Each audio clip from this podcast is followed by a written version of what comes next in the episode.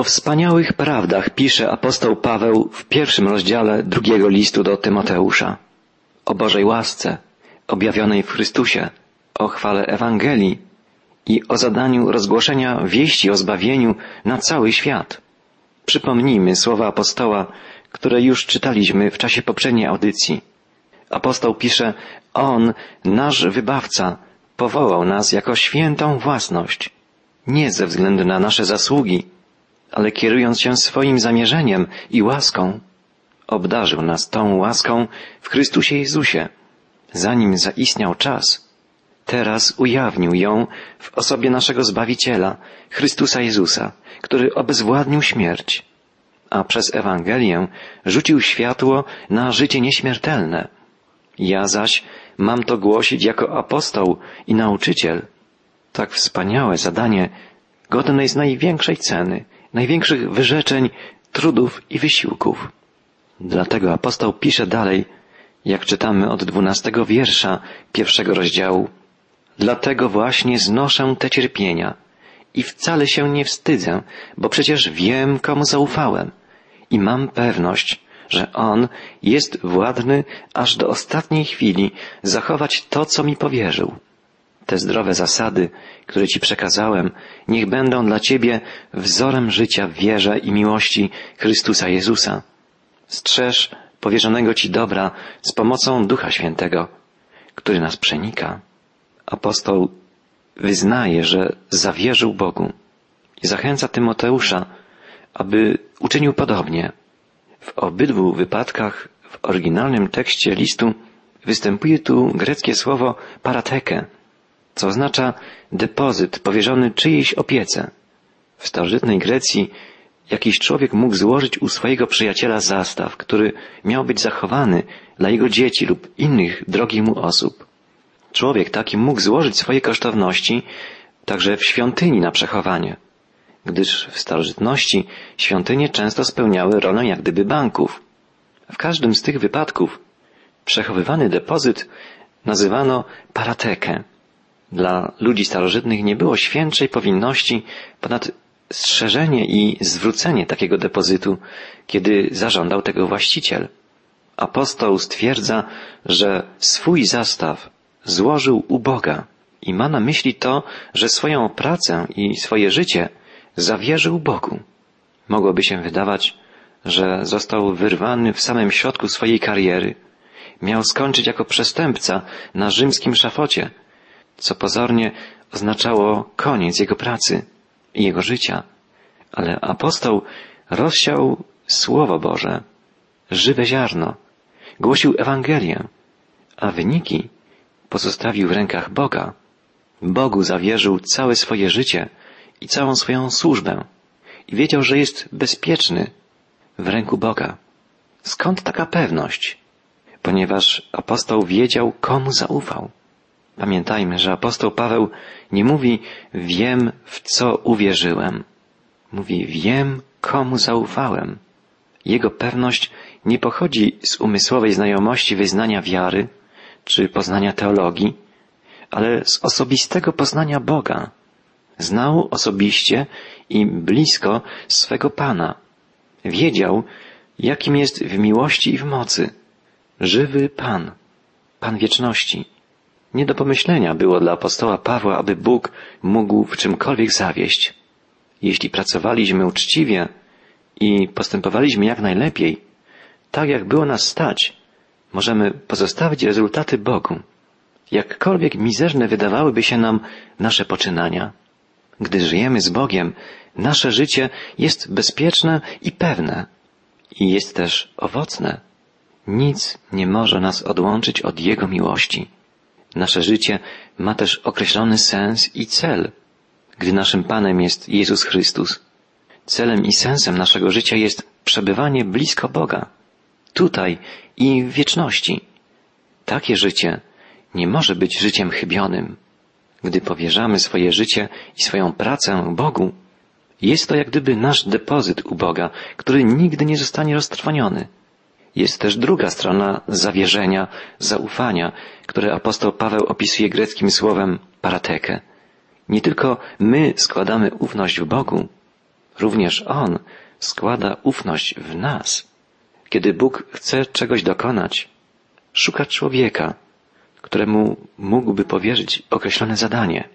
Jeśli chce pouczyć dziecko, przekazać poselstwo, wygłosić kazanie, odnaleźć zbłąkanego, pocieszyć przygnębionego, czy uleczyć chorego, musi znaleźć narzędzie do wykonania tej pracy.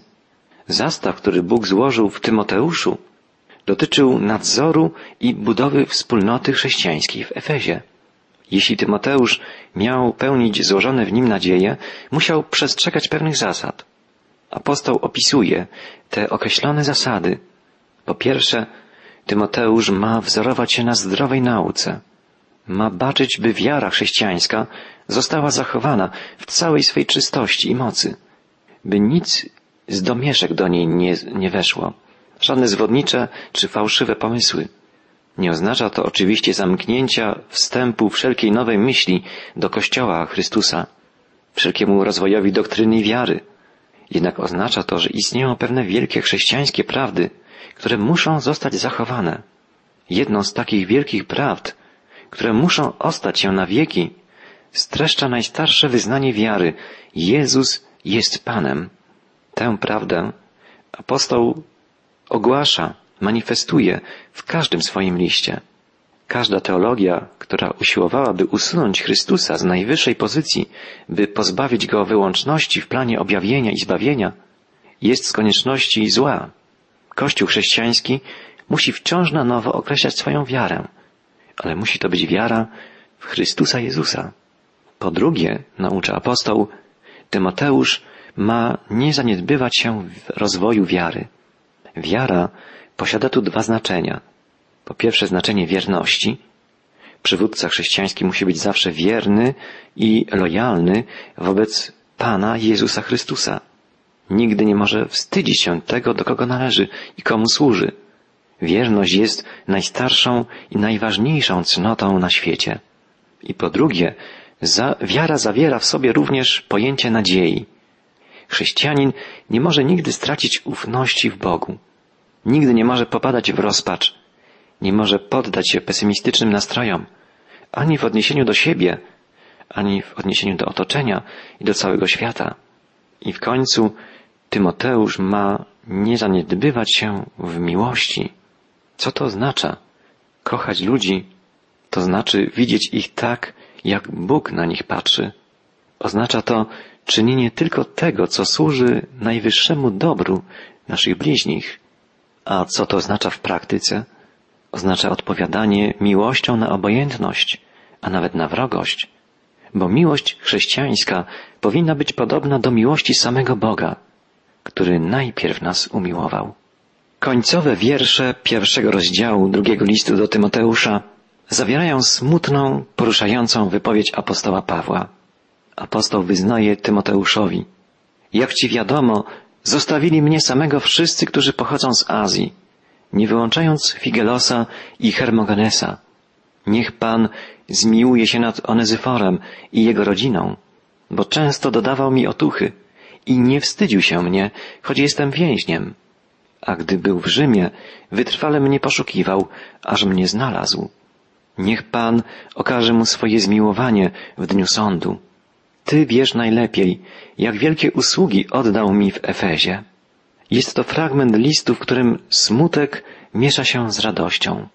Apostoła Pawła spotyka ten sam los, co Jezusa, jego mistrza. Przyjaciele pozostawili go, uciekli, rozpieszli się. Wyraz Azja w Nowym Testamencie nie oznacza dzisiejszego kontynentu, ale prowincję rzymską, na którą składały się zachodnie obszary Azji Mniejszej. Apostoł pisze, że wszyscy jego przyjaciele z Azji opuścili go. Stolicą Azji Mniejszej było właśnie miasto Efes, tam gdzie przebywał Tymoteusz. Kiedy Paweł został uwięziony, jego przyjaciele opuścili go, najprawdopodobniej ze strachu. Rzymianie nigdy nie wystąpiliby przeciwko Pawłowi jedynie z powodów religijnych. Żydowscy przywódcy musieli ich przekonać, że jest niebezpiecznym wichrzycielem, zakłócającym spokój publiczny. Bez wątpienia w ostateczności zatrzymano Pawła na podstawie politycznych oskarżeń. Było niebezpieczne okazać się przyjacielem takiego człowieka. I dlatego w godzinie potrzeby jego przyjaciele z Azji wyrzekli się go obawie o własne bezpieczeństwo. Pomimo tego zawodu, jaki sprawili mu inni, apostoł pisze o jednym człowieku, który pozostał mu wierny do końca. Jego imię Onezyfor oznacza użyteczny. Żywy obraz poszukiwań apostoła Pawła w Rzymie przez Onezyfora kreśli w taki sposób jeden z komentatorów. W przepływającym tłumie dostrzegamy jedną twarz, skupioną, i z żywym zainteresowaniem śledzimy tego przybysza z wybrzeży Morza Egejskiego, jak przemierza plątaninę nieznanych sobie uliczek, jak puka do wielu drzwi, podążając każdym tropem, ostrzegany przed niebezpieczeństwem, na jakie się naraża, ale zdecydowanie przedłuża swoje poszukiwania, aż wreszcie w jakimś obskurnym budynku więzienia wita go znany głos. Odnajduje Pawła, przykutego łańcuchem do rzymskiego żołnierza. Raz znalazłszy drogę, Onyzyfor nie zadawala się jedną wizytą, ale wierny swojemu imieniu okazuje się niestrudzony w swoich usługach. Inni pouciekali, bali się, bali się groźby łańcucha, ale ten odwiedzający uważa za najwyższy zaszczyt dzielić z tym przestępcą urągania krzyża. Plątanina skrętów w tym labiryncie staje się mu znana, jak w rodzinnym Efezie. Nie ulega wątpliwości, że Onezyfor, odszukując apostoła Pawła w więzieniu i odwiedzając go, wciąż na nowo ryzykował życiem. Było to niebezpieczne pytać o miejsce pobytu przestępcy. Było niebezpiecznie odwiedzać go, a jeszcze bardziej niebezpiecznie ponawiać odwiedziny. Ale tak właśnie postępował Onezyfor. Widzimy tu dwie wspaniałe rzeczy. Postawa tego człowieka skłania nas do refleksji. Jak my zachowalibyśmy się w chwili, gdy apostoł Paweł przebywał w więzieniu? A jeszcze ważniejsze pytanie, które powinniśmy sobie postawić brzmi, jak postępujemy, gdy trwanie przy Chrystusie wymaga od nas jakiegoś wysiłku, jakiegoś ryzyka, wyrzeczeń, a może wiąże się z niebezpieczeństwem? Czy wtedy postępujemy podobnie jak Onezyfor? Apostoł Paweł znalazł oparcie w tym człowieku, w Onezyforze, wiernym, oddanym chrześcijaninie i przyjacielu. Jednak o innych musiał napisać ze smutkiem Zostawili mnie wszyscy, którzy pochodzą z Azji, nie wyłączając Figelosa i Hermogenesa. W Biblii często natrafiamy na pytania, które dotyczą każdego z nas. Wciąż na nowo przedstawia nam Biblia człowieka i sprowadza ze sceny historii jednym jedynym zdaniem. Tak jest z Hermogenesem i Figelosem. Nie wiemy o nich nic oprócz ich imion. I wiemy to, że zdradzili apostoła Pawła. A oto inny człowiek, Onezyfor. Też nie wiemy o nim właściwie nic, oprócz tego, że swoją wiernością apostołowi ryzykował, a może nawet stracił życie. Hermogenes i Figelos przeszli do historii napiętnowani jako odstępcy. Natomiast Onezyfor przeszedł do historii jako przyjaciel, który okazał pomoc apostołowi. Okazał się dla niego bratem. Jeśli by nas opisać jednym zdaniem, jak będzie ono brzmiało? Czy będzie to wyrok wydany na zdrajcę? Czy uznanie dla ucznia, który pozostał wierny swemu Panu, Chrystusowi, który za nas wszystkich oddał swoje życie? Zanim przejdziemy do dalszych rozważań, zauważmy, że pod pewnym względem stanowi ten fragment jak gdyby jakieś epicentrum, jak gdyby środek burzy. Brzmienie słów tego urywka oznacza, że w czasie jego pisania Onezyfor już nie żył.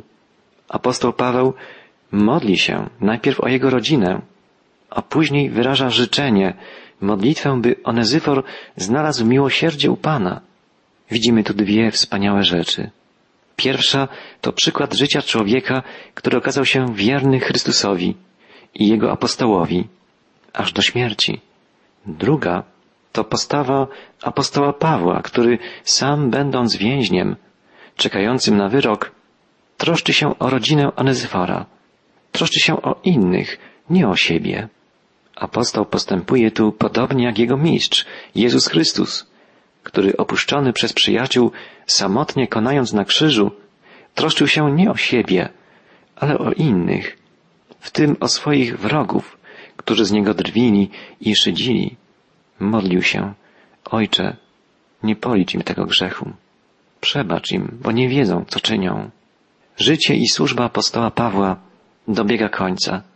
Pragnie on, by Tymoteusz kontynuował jego dzieło.